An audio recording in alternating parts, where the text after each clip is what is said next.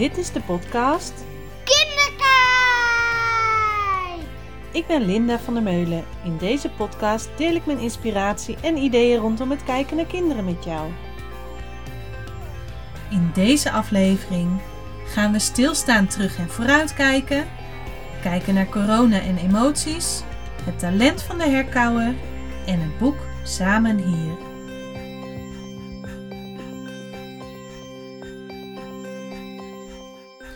Welkom bij de allerlaatste podcastaflevering van 2020.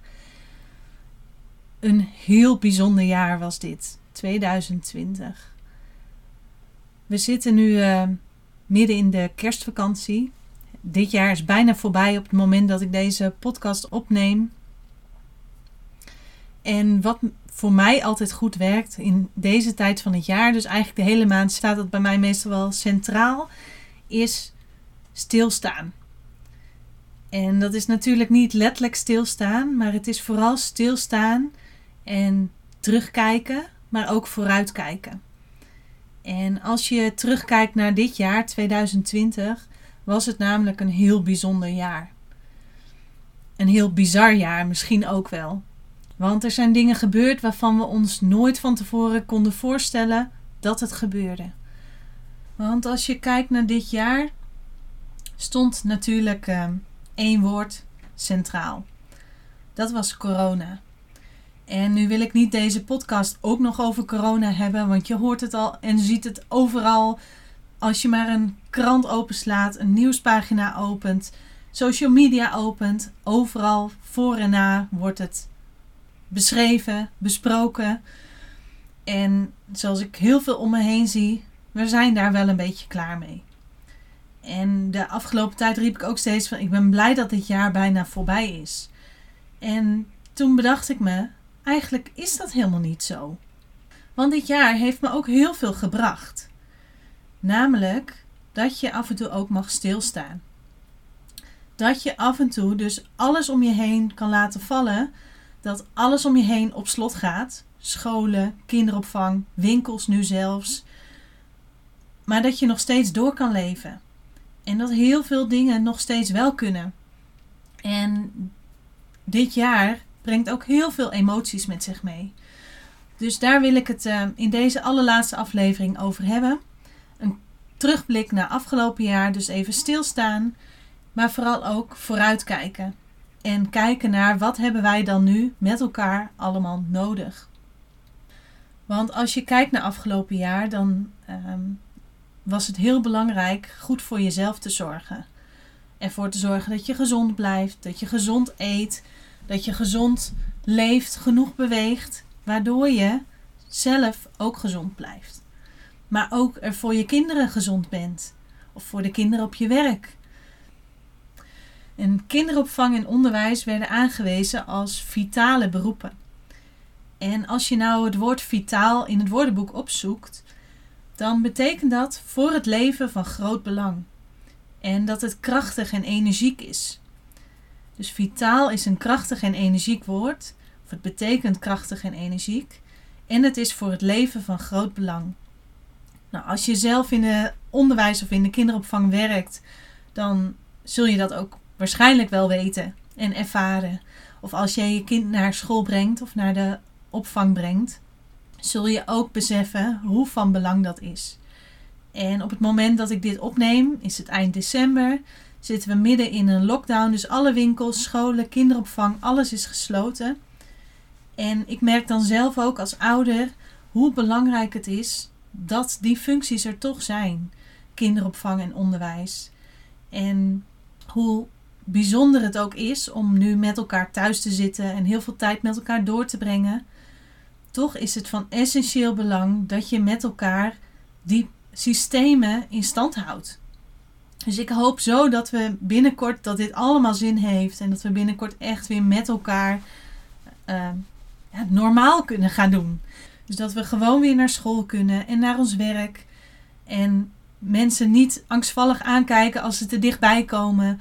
Of als iemand even een kuchje heeft omdat er wat slijm vast zit in je keel. Dus niet eens dat je verkouden bent dat je dan aangekeken wordt alsof je misdaad begaat terwijl je een mondkapje op hebt. Nou, het bizarre is van dit jaar, is dat we daar middenin zitten met elkaar. En ik las wel eens een uitspraak dat het enige wat je hebt is nu. Dus terugkijken en vooruitkijken is niet zo heel belangrijk. Het gaat vooral om het nu. En het nu wordt grotendeels voor ons bepaald. Maar het nu heb je ook heel veel nog zelf in de hand. Want hoe sta jij erin? Hoe voel je je hierbij? Wat doet dit met je? En is er ruimte voor wat je voelt en wat dit met je doet? Of probeer je het weg te drukken en lukt het niet, zeg maar.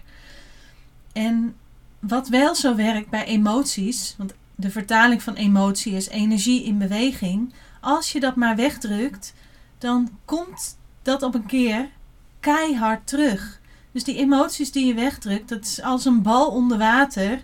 Die eh, heeft heel veel weerstand. Het kan, je kan het heel ver wegdrukken. Maar hoe harder je het wegdrukt, hoe harder hij weer boven plopt. En zo werkt dat op dit moment ook. Je merkt ook, uh, tenminste ik merk het om me heen, in de supermarkt bijvoorbeeld, dat mensen hun thermometer loopt aardig vol. Dus als je dan ook maar even, als er iets verkeerd gaat, bijvoorbeeld ze staan in de verkeerde rij van de kassa of uh, het balkje wordt net even verkeerd neergelegd of wat dan ook, mensen ontploffen gigantisch snel. En dat is wat deze situatie met ons allemaal doet. Dus als je dan terugkijkt naar afgelopen jaar, is het ook niet gek. Dit vraagt heel veel flexibiliteit en veerkracht van ons mensen. Dus wat het heel belangrijk is op dit moment voor jou en de kinderen, is dingen doen waar je blij van wordt. Want het mooie aan die emotie blij is dat het veerkracht oplevert. Dus door blij te zijn en dingen te doen waar je blij van wordt, ook al is het maar een paar minuten per dag, ook al is het maar heel iets kleins, door je bewust blij te voelen, zorg je ervoor dat je de andere emoties, de lastige emoties, beter aan kan. Dus mijn vraag aan jou: waar word jij blij van? En ook voor je kinderen. Waar wordt je kind blij van? En ieder kind, ieder mens heeft zijn eigen voorkeuren. Dus zijn eigen dingen waar die blij van wordt. Waar die Ehm, van oplaat. Want dat is de functie blij, dat je daarvan oplaat. Dus dat je weer nieuwe energie krijgt, nieuwe frisse inzichten krijgt misschien ook wel. En dat je de tijd en ruimte neemt om je weer fijn te voelen. En die um, ontploffingen, zoals ik net vertelde in de supermarkt, maar je ziet het ook bij kinderen, dat ze sneller geprikkeld zijn, getriggerd zijn, uh, sneller ontploffen tenminste, ik hoor en zie dat heel veel, krijg er heel veel vragen over. Dat is afhankelijk van verschillende dingen. Aan de ene kant is het afhankelijk van de rijping van het zenuwstelsel. Dus hoe je hersenverbindingen en je zenuwen met elkaar verbonden zijn.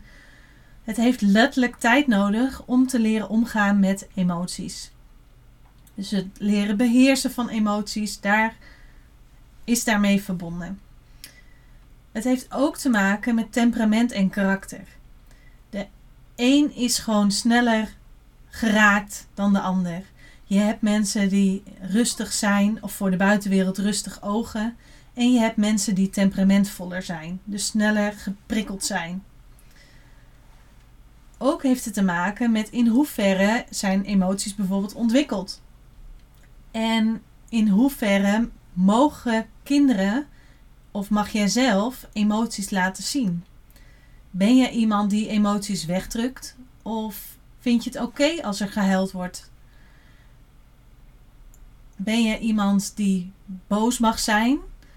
Of wil je liever niet boos zijn en wil je liever die, dat gevoel niet voelen? En als je dan kijkt naar dit moment, zijn die emoties juist heel erg van belang. Want bijvoorbeeld de emotie angst, zie je heel veel om je heen. Omdat er zoveel verschillende ideeën zijn, nu ook rondom corona bijvoorbeeld. Het afgelopen jaar is het ook heel wisselend gegaan.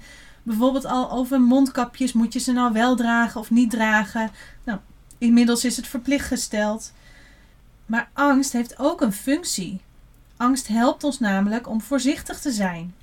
Want als je niet angstig zou zijn, dan zou je vele grotere kans maken om je pijn te doen.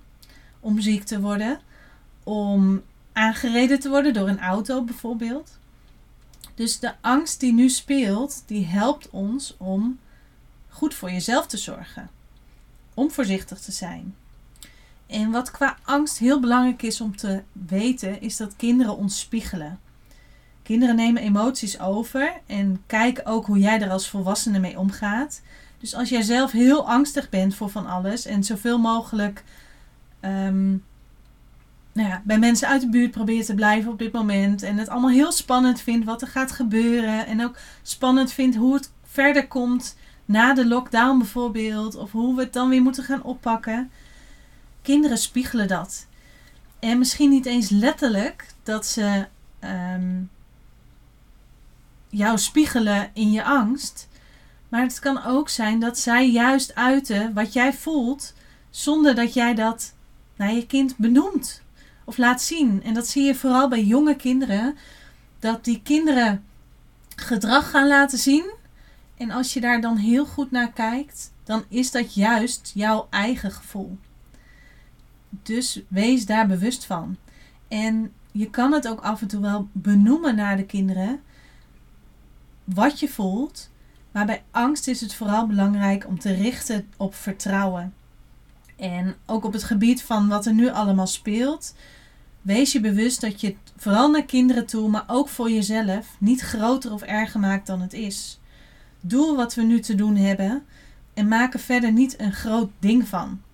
Koester vooral de momenten waar je wel energie van krijgt. Benoem vooral ook wat er wel kan. Naast je angst voelen de kinderen ook het vertrouwen. En bij angst is het zo dat angst de neiging heeft om te groeien. Als je angst aandacht geeft, dan groeit die angst. Dus als je je vooral richt op het vertrouwen en op we doen dit omdat ik hoop dat we dan gezond blijven, in plaats van we doen dit want ik ben bang om ziek te worden. Dus dat je het positief omdraait, dus vooral op het vertrouwen richt, dat maakt een heel verschil in hoe, het, hoe je het zelf ervaart, maar ook hoe de kinderen het zien en spiegelen en ehm, beleven. Nou, kinderen die nu angstig zijn, wat je daarmee kan doen is de, niet de hele dag het nieuws centraal stellen. Dus bijvoorbeeld ehm, als je de televisie aan hebt staan of de radio aan hebt staan, dan heb je ieder uur wel een nieuwsbulletin of iets. Kinderen pikken dat op. En misschien begrijpen ze het nog niet helemaal wat er gezegd wordt, maar ze pikken wel al die nieuwsdingetjes, pikken ze toch op. Kinderen horen en zien heel veel bespreek ook op hun niveau met de kinderen wat voor hun van belang is. Dus bijvoorbeeld door het te hebben over ziek zijn, of te hebben over beter worden, te hebben over goed voor jezelf zorgen. En richt je vooral op een afwisseling tussen leuke en ontspannende activiteiten. En ook als tegenwicht tegen die spanning en tegen die angst. Dus wat ik net ook zei over die blijdschap, over dat opladen, dat is heel erg belangrijk op dit moment. Dus koester vooral die momentjes. En als een kind zelf met een verhaal over corona komt, bijvoorbeeld aan het tekenen is of aan het spelen is en het over corona heeft, ga er dan op in. Speel eens mee. Maar ga het niet overnemen. Stel vooral vragen en laat je kind vertellen. Dat is ook ontlading. Dat het kind ook kan benoemen hoe het voor hem of haar is. Wanneer je kinderen te snel geruststelt, dus ah, het valt allemaal wel mee en het is allemaal niet zo erg, dan stop je zijn verhaal. Dus geef ruimte aan het verhaal van het kind, maar maak het niet groter dan het is. En dat is heel erg lastig. Daar ben ik me echt ontzettend bewust van. Maar het is ook wel heel hard nodig. Nou, als je kijkt naar deze tijd en emoties, dan is boosheid en frustratie ook een emotie wat je heel veel ziet. De meeste mensen en gezinnen zitten letterlijk op elkaars lip. Door zo bovenop elkaar te zitten, minder ruimte voor jezelf te hebben, kan dat voor onrust zorgen. En ieder mens heeft zijn eigen behoeften en soms zijn daar verschillen in behoeften. Waar het ene mens misschien jij zelf wel behoefte heeft aan ruimte voor jezelf Heeft je kind misschien wel hele andere behoeften? Wil het liever met jou een spelletje doen aan tafel? Kijk hoe je die verschillen kan invullen. Dus dat er voor jullie beide behoeften ruimte is op een dag. En dat je kinderen leert om af en toe dingen samen te doen, maar ook dingen alleen te doen. Dus door kinderen op weg te helpen om iets alleen te gaan doen. En dat kan echt al heel jong. En zorg daarin vooral voor duidelijkheid. Ik ga nu even met jou een spelletje doen. En daarna ga ik voor mezelf iets doen. Zodat kinderen ook leren dat daar onderscheid in is. Dat je ehm, een structuur in de dag hebt. Je kan niet 24 uur per dag, 7 dagen in de week klaarstaan voor je kind. Maar het is vooral belangrijk om je bewust te zijn dat je daarin grenzen mag bewaken. En vooral kan richten op behoeften. En kies ook even je momentjes. Dus kijk ook naar je kind. Van waar heeft hij nu behoefte aan? En kijk naar jezelf. Waar heb ik nu behoefte aan? Dus zorg voor die goede dagstructuur die voor jullie werkt. En richt je vooral ook op dankbaarheid. Wat kan wel op dit moment? Wat is er wel? Wat is nu wel mogelijk? Waar word jij nu blij van en waar kan je nog meer van doen dan je al deed? Kijk vooral welke emoties zitten achter als een kind iets niet wil of als je zelf je niet fijn voelt. Want als je bang bent of verdrietig bent of boos bent, dat maakt een heel verschil. Een kind heeft dan iets anders van jou nodig. Als je bijvoorbeeld kijkt naar die emoties, hebben ze allemaal een eigen functie. Boosheid bijvoorbeeld gaat heel erg over grenzen aangeven. Angst gaat over beschermen. En verdriet gaat over stilstaan, het verwerken. En als je dus dat hele pakketje aan emoties, dus blijdschap is opladen, boosheid is grenzen aangeven, verdriet is verwerken en angst is beschermen, die heb je allemaal nodig om in leven te blijven. Dus kijk eens, als een kind ontploft bijvoorbeeld, wat zit erachter? Welke grens wordt er bereikt? Welke grens wordt er bereikt bij jouw kind, maar ook bij jou? Of welke grens wordt er bereikt in de situatie, waardoor er iets gebeurt, waardoor de boel ontploft? En kijk eens hoe jij je kind daarbij kan helpen. Of hoe jij jezelf daarbij kan helpen. Om bijvoorbeeld meer duidelijkheid te bieden en eerder duidelijke grenzen aan te geven. Of om bijvoorbeeld meer rust in te bouwen. Is maar net heel erg afhankelijk van de situatie.